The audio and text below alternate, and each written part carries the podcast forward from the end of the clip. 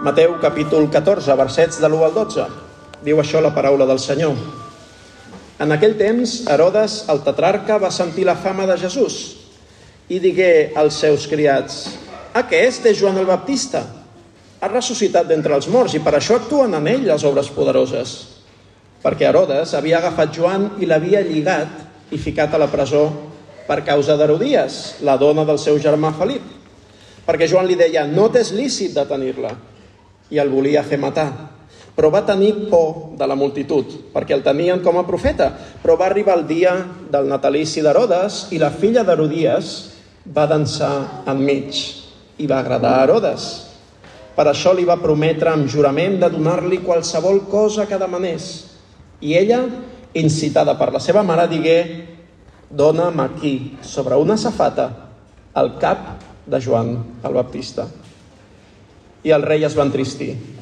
Però a causa dels juraments i dels qui eren asseguts amb ell a taula, manà que li donessin. I va enviar a fer decapitar Joan a la presó. I van dur el seu cap sobre una safata i el van donar a la noia. I ella el va dur a la seva mare. I els seus deixebles hi van anar, van prendre el cos i el sepultaren. I van venir a explicar-ho a Jesús. Hola i benvingut al podcast de Ciutat Nova, una església protestant al barri 22 arroba de Barcelona.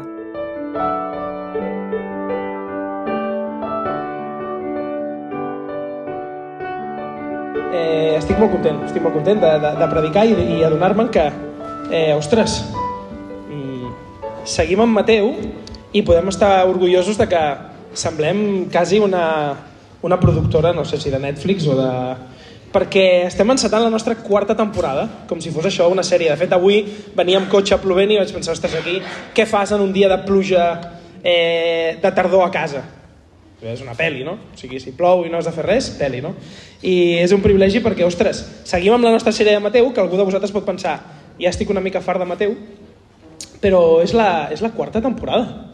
I és fort perquè cada vegada que hem de, ens acostem a un text, eh, te n'adones que els evangelis, en aquest cas Mateu, no és un recull d'històries perquè sí, amb un ordre aleatori, sinó que tot plegat té un, té un per què. I l'ordre en què Mateu ha posat les històries i la d'avui eh, tenen un per què. Llavors acabem de llegir Església eh, a Joan el Baptista decapitat. Eh, la història és així, no? I ja em va tocar predicar sobre Joan el Baptista a la presó. Llavors sembla que tinguem una obsessió amb aquest home. I què passa avui i com es relaciona aquesta història amb el que Mateu en el seu evangeli vol explicar. Sí? Llavors, algú se'n recorda de les coses que Mateu ha dit fins ara? No sé si algú se'n recorda. És a dir, si jo us dic que estem a la quarta temporada, què va passar a la primera, què va passar a la segona, què va passar a la tercera? Em permeteu fer un minut de resum? Algú se'n recorda o no? Perquè més hem posat títol, sí? Algú se'n recorda de la primera sèrie de Mateu? La vam anomenar Ciutadans del Regne. Sí, us en recordeu? Llavors va ser una sèrie de predicacions sobre el sermó de la muntanya. Sí, és que me'l menjaré, jo crec. Sí. Gràcies. Perdona. Així millor? Estupendo, moltes gràcies, eh, Noemí. I mm, vam predicar sobre el sermó de la muntanya, que és aquest Jesús, que encara, a la primera temporada, encara no saps més o menys ni qui serà, en els capítols eh, 5 al 7. I després d'explicar de, d'explicar aquest Jesús, a la segona temporada vam veure que demostrava, va començar a demostrar eh, les coses que ell havia explicat, a portar aquest regne, i li vam dir l'autoritat del regne. Eh? Eh, en aquesta segona temporada vam veure eh, sanacions i miracles d'aquest Jesús. Sí? I també van ser tres capítols, el 8, el 9 i el 10. I l'última temporada, que vam fer doncs, abans de l'estiu, vam parlar de les respostes a aquest regne. Llavors, tens a un Mateu que et presenta un home que ensenya a la muntanya i que després fa miracles. I llavors, la tercera temporada va ser una mica de mescla de com reacciona la gent a aquest, a aquest personatge. I vam veure que aquestes respostes al regne hi havia revelació i també hi havia rebuig. Però ara ja s'ha acabat el bròquil. Ara, en aquesta quarta temporada, com ha dit el Rubén, veurem que la identitat d'aquest Jesús ja és revelada. Avui comencem una sèrie on Mateu ja ens comença a encaminar en el clímax d'aquesta sèrie, d'aquesta història, i on aquest Jesús ja és descaradament eh, revelat com el Messies. Llavors, el Rubén, la setmana passada, eh, va predicar sobre un text que ens va dir que una mica tancla, tancava el bloc anterior, però que ja introduïa aquest nou bloc. I si no hi éreu la setmana passada, resulta que Jesús, que va predicar i va fer miracles, eh, es va fer famós. I quan et fas famós, les coses canvien, no? I, clar, no ho sé, aquí tenim gent que s'està fent famosa, els agradi o no reconèixer en aquesta primera fila de l'església, però el cas és que el cas és que resulta que aquest Jesús va tornar al seu poble i si no hi éreu la setmana passada va tornar a Nazaret i a Nazaret van dir tu de què vas? I el van rebre amb rebuig. I mm, el tancament d'aquest eh, bloc parlava d'aquestes respostes a aquest Jesús. Algunes van ser de reconèixer qui era i algunes de rebuig. Jesús és rebutjat a Nazaret, al seu poble. Però ara eh, resulta que eh, aquest Jesús torna a ser rebutjat d'alguna manera. Sí?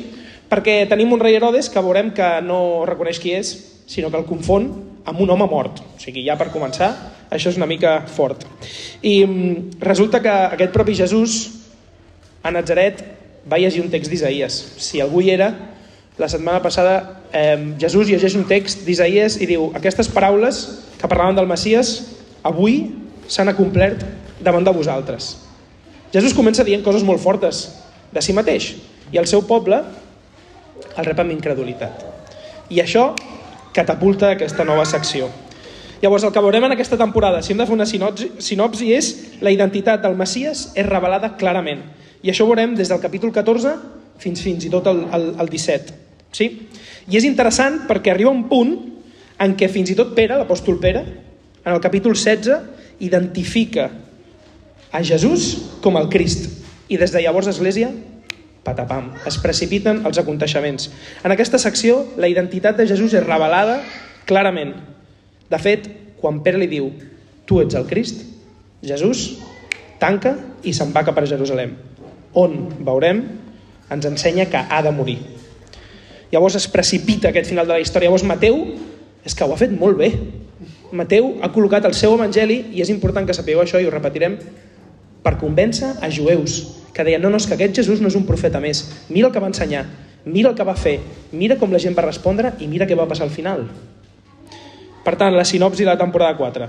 A Mateu del 14 al 17 obtenim una claredat creixent sobre la identitat de Jesús com el Messies, però és un Messies que no ha vingut a triomfar, sinó que ha vingut a patir. I la primera història per dir-te que el Messias és aquest Jesús i que ha vingut a patir és dir-te que n'hi ha un que s'assembla a ell que li han tallat el cap. Sí? Si haguéssim d'acabar la predicació aquí, doncs ja ho tindríem, Església. I avui ens preguntem què té a veure la mort de Joan el Baptista amb la identitat de Jesús, perquè hem dit que aquesta sèrie va sobre aquest Messias. Què té a veure el cap de Joan el Baptista en una safata, perdoneu que sigui així de frívol, amb la identitat de Jesús? Doncs pues això anem, sí? I si em permeteu, Veurem tres punts per variar. El primer és la paranoia d'Herodes. Veiem que Herodes és paranoic, té una idea estranya. Parlarem una mica de la mort de Joan, que em sap molt de greu, però no és el protagonista d'aquesta història. I després la resposta de Jesús. Llavors, eh, si em permeteu, anem primer a la paranoia d'Herodes. Vale? Llegiré això, que serà més còmode. Per què diem paranoia? Eh, diem paranoia perquè en el primer verset llegim el següent. En aquell temps, Herodes, el tetrarca, el rei, va sentir la fama de Jesús i digué als seus criats aquest és Joan el Baptista que ha ressuscitat dels morts i per això actuen en ell obres poderoses. Llavors, el cas d'Església és que la fama de Jesús va arribar al rei, va arribar a Herodes. I Herodes el confon amb Joan el Baptista. Sí? I Jesús va ser un personatge històric. Eh, Mateu escriu aquest evangeli per explicar als jueus qui realment era aquest Jesús, però ningú dubta que Jesús va fer el que va fer, va dir el que va dir, sí? Um, el tema és que no és només un profeta, no és només un líder religiós. Qui és aquest Jesús? I resulta que a la temporada 4 ja apareix amb el personatge principal eh, Jesús conegut per tothom. Jesús, la diferència que tenim ara és que ja ha guanyat fama. A tot arreu d'Israel ja han sentit a parlar d'ell. Més o menys, l'has vist o no, però ja has sentit a parlar d'aquest personatge, de Jesús. Ja havia recorregut Israel ensenyant amb autoritat i fent molts miracles. Per tant, el punt de partida és que Jesús ha guanyat fama, sí? I la fama arriba a on? A les orelles del rei. Herodes sent parlar de Jesús i creu que és Joan el Baptista tornat a la vida. Resulta que pots pensar "Mm, què li passa a aquest home al cap? Però és que la història eh, ens mostra que què tal si aquest Herodes no va tan desencaminat? perquè sembla una paranoia de primeres. I ja ho he llegit el Rubén avui, però és que llegim a Mateu, el capítol 3, eh, verset 2, que tenim similituds entre aquest Joan el Baptista i Jesús. Per tant, és normal que algú els confongui? O no és normal? Um, Joan el Baptista, al capítol 3 de Mateu, diu I en aquells dies vingué Joan el Baptista predicant en el desert, ja ho hem llegit de Judea, i deia Penediu-vos, perquè és a prop el regne dels cels. Però és que en el capítol 4 de Mateu, Jesús diu des de llavors Jesús començà a predicar i a dir penediu-vos, perquè s'ha apropat al regne dels cels. Llavors, dos personatges contemporanis sí, que prediquen el mateix. A la llum d'això, Herodes no va tan desencaminat. Potser les similituds entre Joan i Jesús van més enllà del que Herodes es pot pensar i que confongui a Jesús, Església, justament, que confongui a Jesús amb Joan potser és justament la clau per interpretar aquest passatge d'avui. Perquè Herodes havia agafat a Joan i l'havia ficat a la presó per causa d'Herodies, la dona del seu germà Felip. I és brutal perquè aquesta història, no sé si us aneu adonat, en realitat és com un incís. A mi això em passa molt. Saps allò quan estàs parlant amb algú i fa molt de temps que, que no us veieu i estàs explicant una història i a mitja història necessites explicar una altra. O sigui, anar-se'n per les rames de tota la vida. Doncs en aquesta història, Església, tenim un flashback. Tenim un Mateu dient en aquell temps, Herodes va sentir de Jesús i el va confondre amb Joan. Perquè, per cert, no us ho havia dit, però és que l'havia empresonat i, i li havia tallat el cap. Llavors, realment aquesta història és un incís. És un flashback. Com quan estàs amb amics i per explicar alguna història i que t'entengui n'has d'explicar una altra de lateral. Ho enteneu? Així que Mateu ens explica la mort de Joan simplement perquè estiguem a la mateixa pàgina. La mort de Joan, Església, no és el punt principal d'aquesta història. El punt principal d'aquesta història és que Herodes va sentir de Jesús i es va pensar que era Joan. Potser penses que el passatge va de la mort de Joan, però avui jo t'haig de dir que no, que la mort de Joan ens serveix per explicar la paranoia d'Herodes. Com és que Herodes es pensa que Jesús és Joan que ha tornat dels morts? Aquest és la clau del text. Sí? Llavors, abans d'entrar a la mort de Joan i el segon punt, com hem llegit, resulta que Herodes havia capturat a Joan i l'havia empresonat a causa de la dona del seu germà, perquè Joan li havia dit no t'és lícit de tenir-la. Clarament. Joan, profeta, que predicava, penediu-vos, i que demanava judici, no sé si us en recordeu del verset 11, li diu, no pots tenir la dona del teu germà. O sigui, no, no hi ha res a dir. Joan li havia dit audaçment al rei que estava violant un mogollon de textos, un rei que era jueu. Aquest no està parlant amb un romà, està parlant amb un jueu. Levític 18.16 i el 20.21, així com altres lleis de l'Antic Testament, adulteri. L'havia acusat, i recordem que aquest rei estava sota la llei i era portador de la llei i era el rei dels jueus, sí? L'havia acusat de delictes que podien incloure incest, perquè la seva cunyada i la neboda i de tot, i poligàmia, perquè ja tenia dona, i adulteri, sí? Llavors, el punt de la paranoia que té Herodes és aquest. Feia temps que Herodes volia matar a Joan. Llegim, i el volia matar, però va tenir por de la multitud perquè el tenien com a profeta. Llavors a mi m'agradaria que ens poséssim una mica en la pell d'Herodes, penseu que sou un rei i teniu un profeta respectat pel poble que et va dient tot el que estàs fent malament davant de la llei de, de la llei jueva. I tu com a rei què faries? Penseu, és una pregunta, saps? Vosaltres què faríeu? Perquè Joan t'està dient, eh, estàs vivint en adulteri. Però clar, la gent el respecta i el vols matar, però no pots. O si pots. Tu què faries? Volia matar aquest fantasma que el perseguia, que l'acusava. Llavors, Herodes se sentia malament? És la persona a la teva vida que et fa sentir malament, aquest Joan el Baptista? És el que t'està exhortant, t'està posant els punts sobre les is? Patia pel seu prestigi? Patia pel recolzament dels fariseus? Perquè, clar, al final no t'està acusant un enemic, t'està acusant amb la llei jueva. I aquí necessitem ser purs davant la llei, perquè que si fariseus, temes religiosos, m'enteneu? Llavors, sense voler anar més enllà, Església, no podem fer això un culebron. Penso que Herodes estava obsessionat amb aquest Joan, a tal punt que es va pensar que aquest Jesús era Joan ressuscitat després de que ell l'hagués matat. Potser, en el seu cor corrupte i pecaminós, en escoltar la fama de Jesús, no va poder evitar pensar en Joan. Oh, és Joan. Com et sentiries tu si has matat aquest Joan i et diuen que hi ha algú que predica el penediment i que ve el regne? Estaries espantat si fossis Herodes? No ho sé. Potser realment va desitjar que fos Joan, perquè ara veurem que quan el va haver de matar, el rei es va entristir. Llavors aquest Herodes té un cacau mental, Església. Però una cosa sí que sabem, i és important. El text diu que Herodes es va entristir de matar aquest Joan. I això va passar abans de que li parlessin de Jesús. Es va empenedir. Llavors, escoltant de Jesús, potser tenia l'esperança de que realment hagués ressuscitat? Sentia culpa d'haver-lo matat? Doncs anem a veure la mort de Joan i la reacció d'Herodes. Herodes s'ha pensat que Joan, primer punt, té una paranoia amb aquest Jesús. Anem a veure la mort de Joan i si això ens dona una mica més de llum. De llum.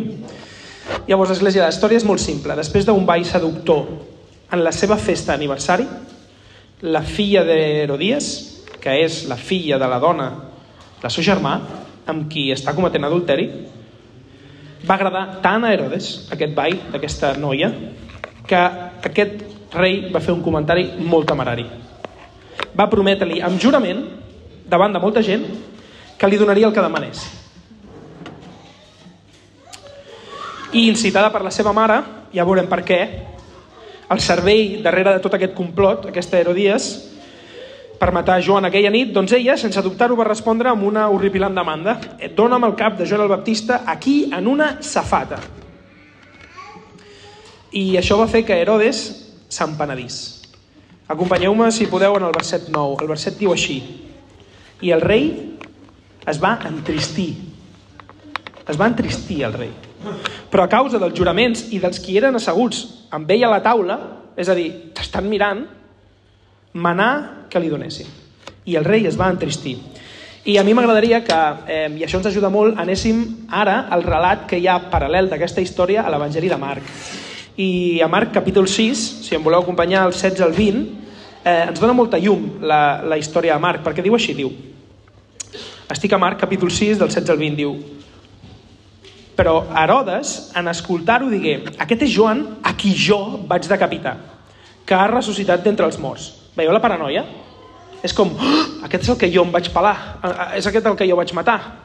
Perquè segueix dient, perquè aquest mateix Herodes havia enviat a prendre Joan i l'havia fet encadenar a la presó però per causa d'Herodies, no per si mateix. La dona del seu germà Felip amb la qual s'havia casat.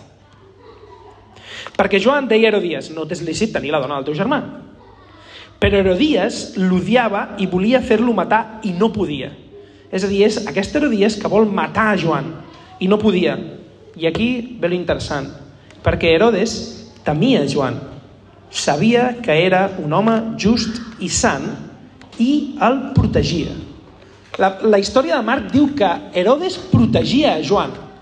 Home, si estàs protegint a un home, és normal que t'entristeixi haver de donar el seu cap en una safata, no? I acaba el verset dient, i després d'escoltar-lo feia moltes coses, i l'escoltava de bon grat. En què quedem? Herodes tenia un corcó que es deia Joan, que li deia totes les coses que estava fent malament. Li estava predicant el regne i li estava dient, empenedeix-te, estàs vivint en adulteri. Però en realitat Herodes ho agraïa i el volien pelar. Però saps aquella mesura de dir, empresoneu-lo? Com qui diu, bueno, si el poso a la presó, l'estic castigant, però en realitat l'estic protegint de que me'l matin. Perquè si el deixo lliure, l'endemà me'l trobo mort. Llavors, Herodes, empresonant a Jesús, ai, a Jesús, perdoneu, a Joan el Baptista, el protegia. I això passa, no?, a l'Antic Testament. Quantes vegades personatges han estat a Egipte, Josep, eh, eh, Daniel, que han estat a les corts dels reis, però per ser consellers, i després un altre cop a la garjola, i ara, i ara si vols m'interpretes un somni i després aquí protegit, però encadenat. No pots sortir d'aquí. Sí? Doncs Església, Herodes temia Joan i el protegia. I després d'escoltar-lo feia moltes coses i l'escoltava de bon grat. I ho va lamentar. Ho va lamentar perquè, com afirma Marc en la seva narració, Herodes sabia que Joan era un home just i sant i el protegia per poder escoltar-lo predicar. O sigui, Joan està empresonat per Herodes per evitar que Herodias se'l carregués. I Joan va acusar-los d'adulteri. És normal que ell l'odiés. Però Herodes va escoltar-lo. Així que el va fer empresonar, un càstig, ¿vale? però una manera de protegir-lo. Fixeu-vos, després d'escoltar-lo feia moltes coses i l'escoltava de bon grat. Llavors, Joan va ser una bona influència per aquest Herodes? No és, no és brutal? Joan, empresonat, seguia preparant el camí del Senyor, que és el que ha llegit el Rubén, sent una veu a les orelles d'Herodes. I aquí m'agradaria fer una petita aplicació per nosaltres. Us en recordeu quan fa setmanes o ja no sé si mesos vam començar la secció anterior també amb Joan? Joan el Baptista està empresonat perquè aquesta història ja, passa, ja fa temps que ha passat i dubta de si Jesús és Jesús. I us recordeu que envia els seus deixebles? Doncs ja empresonat envia els deixebles a preguntar si aquest era el que havia de venir. Quan en Joan capítol 1 ha dit que és la llei de Déu. Església, Déu treballa i això va per tu i per mi. Déu treballa enmig dels nostres mals moments.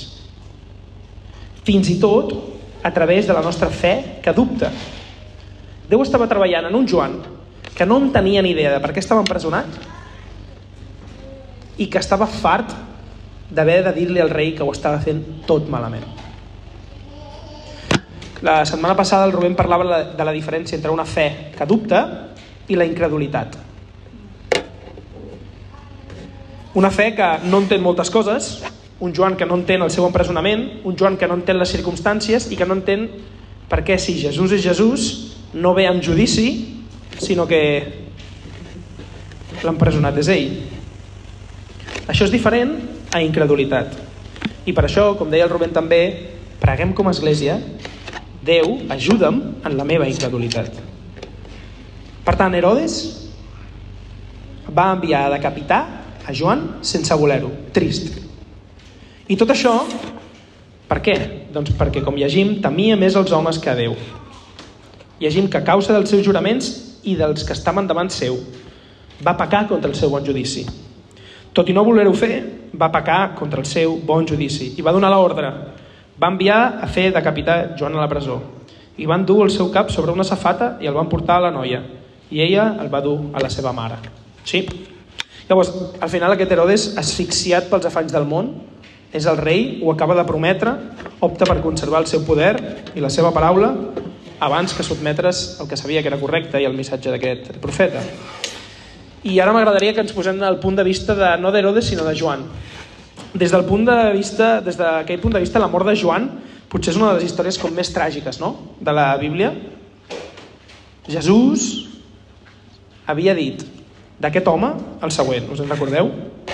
Entre els nascuts de dona no s'ha aixecat un altre com Joan el Baptista.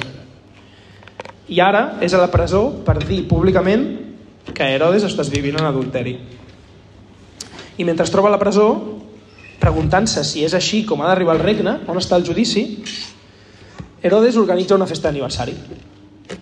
Fa una festa per si mateix i per un petit espectacle sexual, si em permeteu, per als convidats, fa ballar a la seva fillastra.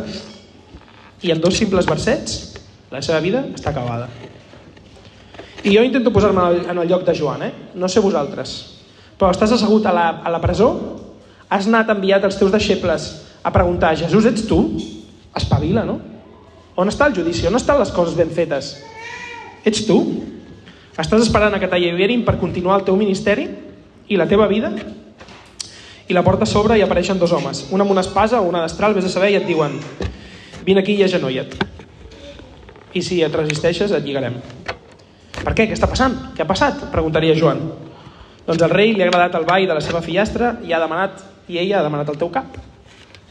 I l'última cosa que Joan es queda pensant amb la seva curta vida és un ball? Per un ball? La meva vida per un ball? I acabem aquest eh, segon punt amb, tornant a aquesta aplicació. Anem a veure el paper que té Joan.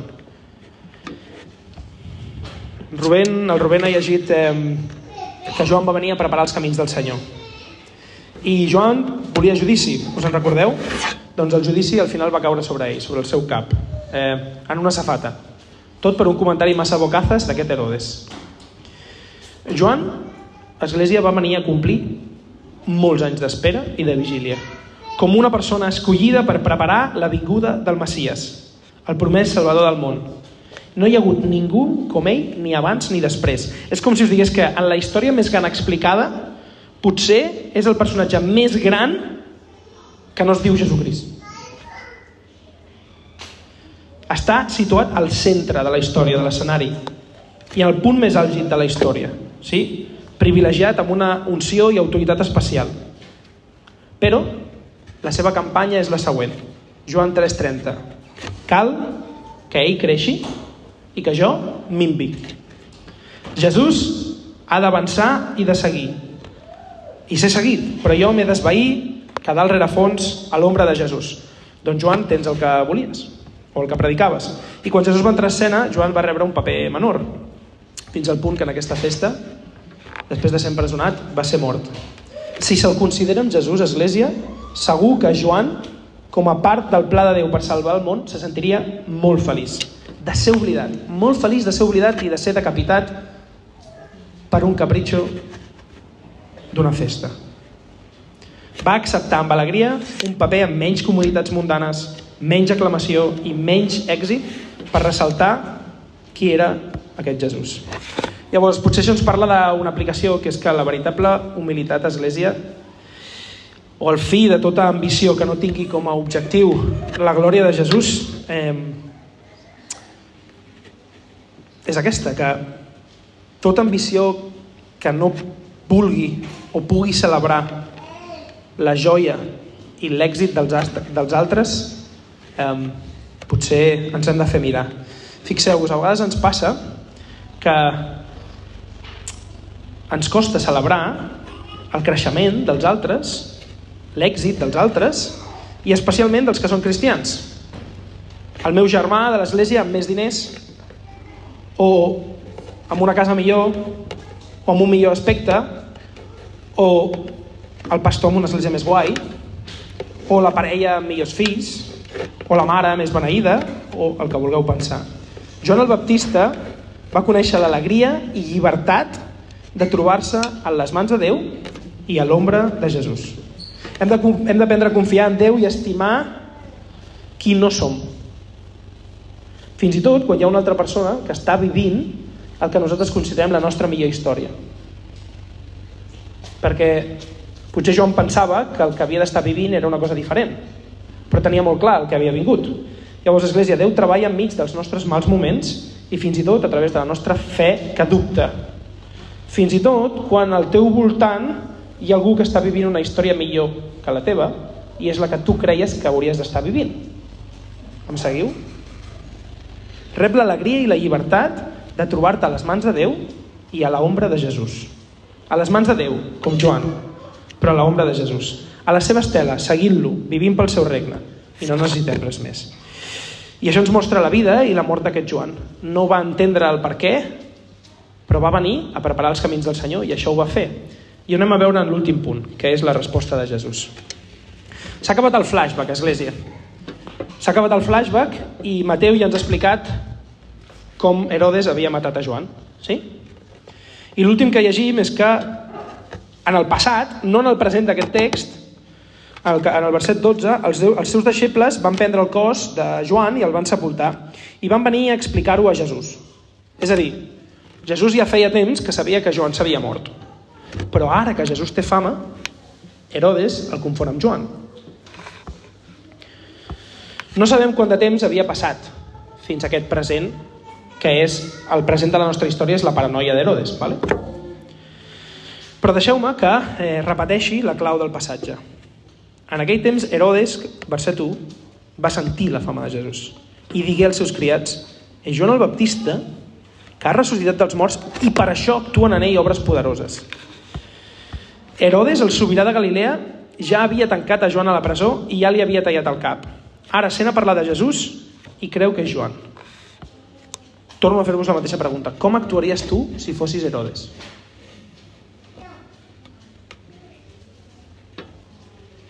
Amb por? O faries allò de, com és, eh, mala hierba nunca muere? I diries, Jesús, un altre, eh, Joan, un altre cop? Anem a matar-lo. Sí? Doncs utilitzem la paraula paranoic perquè quan sent a parlar de Jesús no veu una esperança de tornar a escoltar aquest Joan, el qui s'havia entristit, sinó que se'l vol carregar. Herodes és poderós, és egoista i és erràtic en el seu comportament. I això no és una amenaça buida. Si anem a l'Evangeli de Lluc, eh, llegim una mica més endavant, més o menys en aquell temps, no és la mateixa història, eh, el següent passatge. Sí? Eh, això és Lluc, el capítol 13, els versets 30 al 33. Um, us espero. Lluc, capítol 13, els versets 30 al 33, no és en aquell mateix dia, eh? però diu, en aquell mateix dia vingueren alguns dels fariseus i li van dir a Jesús, eh, als fariseus, surt d'aquí i vés-te'n d'aquí, perquè Herodes et vol matar. Recordeu que qui va matar, qui va empresonar, qui va portar a judici a Jesús van ser els jueus, Herodes i els fariseus. Herodes vol matar a Jesús, Església. I tanmateix, la resposta de Jesús que veiem en aquest text i la que veurem ara també a Mateu eh, és molt clara. Si seguim llegint a Lluc, capítol 13, el verset 31 diu així. Jesús li respon quan els fariseus li diuen eh, Herodes et vol matar, Jesús. Es pensa que Joan et vol matar. Ets una amenaça per ell, és igual. I Jesús els digui, aneu i digueu aquesta guineu. Heus aquí, expulso dimonis i porto a terme guaricions, avui i demà. I el tercer dia sóc a complet. O sigui, però avui i demà i passat, demà he de fer camí, perquè no pot ésser que un profeta mori fora de Jerusalem. No veiem cap indici de temor per part de Jesús. Jesús sap el que ha vingut, sap que el tercer dia és acomplert i sap que ha de fer camí a Jerusalem. O sigui, a mi no em vinguis amb històries, jo no penso marxar d'aquí, jo estic fent el que haig de fer. Les emocions més fortes de Jesús ni tan sols tenen a veure amb Herodes, a qui sembla ignorar, sembla descartar ràpidament. Herodes busca activament la seva vida, emparanoiat de que qui és aquest, però Jesús ni s'immuta. I també Mateu, i això introdueix a la setmana que ve, ens endinsa el cor de Crist. Si llegim el capítol, el capítol 14, el verset 13, que és un més que aquesta història, llegim el següent. Llegim que en sentir això, Jesús es va retirar d'allà en una barca, en un lloc desert, tot sol. I això és la història de la setmana que ve. Però Jesús, sí, si haguéssim de llegir el text, el text curt seria així, ¿vale? Una última vegada us ho llegeixo. La història d'avui seria la següent. En aquell temps, Herodes va sentir la fama de Jesús. I va dir, aquest és Joan el Baptista, que ha ressuscitat d'entre els morts, i per això actuen en ell obres poderoses. I Jesús se'n va anar a estar sol. No sabem quan ràpid com connecta aquesta història després del flashback, però el que sí sabem, Església, és que Jesús se'n va anar, sí, aquell mateix dia, diu, deixem que ho torni a llegir, se'n va anar tot sol, vale? i va anar a pregar. Diu, el passatge. En sentir això, Jesús es va retirar d'allà en una barca en un lloc desert tot sol. Veurem que sol no va estar, perquè la gent eh, el va perseguir. Però potser aquest eh, cor representa més que el que afirma Mateu. Aquí hi ha un moment humà. Després de saber de l'horrible mort de Joan, Jesús vol estar sol. Això no és cronològic. Però potser Jesús per fi vol anar a un lloc, eh, ara sap que és famós i se'n vol anar a un lloc desert i plora per la mort d'un amic molt estimat. O potser contempla la mort que l'espera. I arribem a la conclusió, i aquest és l'Evangeli, Església. Tornem a... De quina manera connecta la mort de Joan amb que Jesús és declarat com el Messies. Doncs mireu, sens dubte, Mateu pretén que la seva audiència, que són jueus, vegi els detalls d'aquest assassinat de Joan com un presagi de la degradant passió de Crist. Com Joan ha sigut capturat i condemnat a mort per un governant que no tenia valor moral, la mateixa història es desenvoluparà en la vida de Jesús. Al final, Joan està preparant tant el camí de Jesús que és que fins i tot la seva vida en miniatura demostra el que li acabarà passant a Jesús. I Mateu et vol dir que Jesús és el Messies i t'ho explica dient amb una història que li tallen al cap. És que Església del Messies és algú que ha vingut a ser condemnat i a patir. Aquest Jesús Església és aquell que finalment va ser arrestat i va ser crucificat. I que tallin el cap i ser crucificat són les dues maneres de matar algú sense honor. Profetes sense honor. Jesús a la seva terra i Joan decapitat. Mireu, Joan va pagar amb la seva vida el pecat d'Herodes. Em seguiu? Però Jesús va pagar amb la seva vida el pecat de tots els fariseus, els religiosos jueus, d'Herodes, dels romans que eren còmplices, dels jueus al carrer que van demanar el seu, la seva crucifixió, dels galileus de Nazaret que el van rebutjar la setmana passada i de tota la humanitat. El teu pecat i el meu pecat. Jesús va morir injustament, com Joan, però a diferència d'ell va morir voluntàriament, entregant la seva vida per donar-nos reconciliació i pau amb Déu. Perquè, Església, això va venir Mateu t'està dient és que això que li ha passat a Joan és el que va venir voluntàriament aquest Jesús, a donar la seva vida per molts. Llavors, la meva pregunta per tu avui és, tu creus això? Que aquest Jesús va venir a donar la seva vida i a patir per nosaltres? Que aquell personatge històric, confós com a un Joan ressuscitat per un rei paranoic, en realitat és el fill de Déu i salvador del món? Perquè aquest passatge, en Seta, comença una nova temporada. Enceta una secció on se'ns mostra clarament que el rei del món, l'Església, el salvador del món, no és com el Jou se l'estrella. És algú que ha de patir i que ha de ser mort injustament. Condemnat injustament. I per això havia vingut, per tu i per mi. Que si som culpables, que ho som, doncs va venir per ocupar el nostre lloc. Llavors, si és així, tornem a repetir, avui l'Església rep l'alegria i la llibertat de trobar-te en mans de Déu i a la seva ombra als seus peus. D'aquest Jesús que va venir a patir i va venir voluntàriament a fer-ho. És així. És així com se'ns mostra el Messies. Mira, veus com aquest Joan va ser decapitat? Doncs el mateix li ha de passar al Messies, perquè aquest Joan prepara el camí d'aquest Jesús. Al final la paranoia d'Herodes és la paranoia. Si encara no creus en aquest Jesús, no el rebutgis com els seus conciutadans de Nazaret, ni busquis la seva mort com Herodes. Creu-t'hi que en ell. Deixa que transformi la teva vida. Església, aquest Jesús sí que s'assembla a Joan, però molt més. És el salvador de la humanitat i Mateu ens està dient que va venir a patir per tu i per mi. Abraça aquest fet.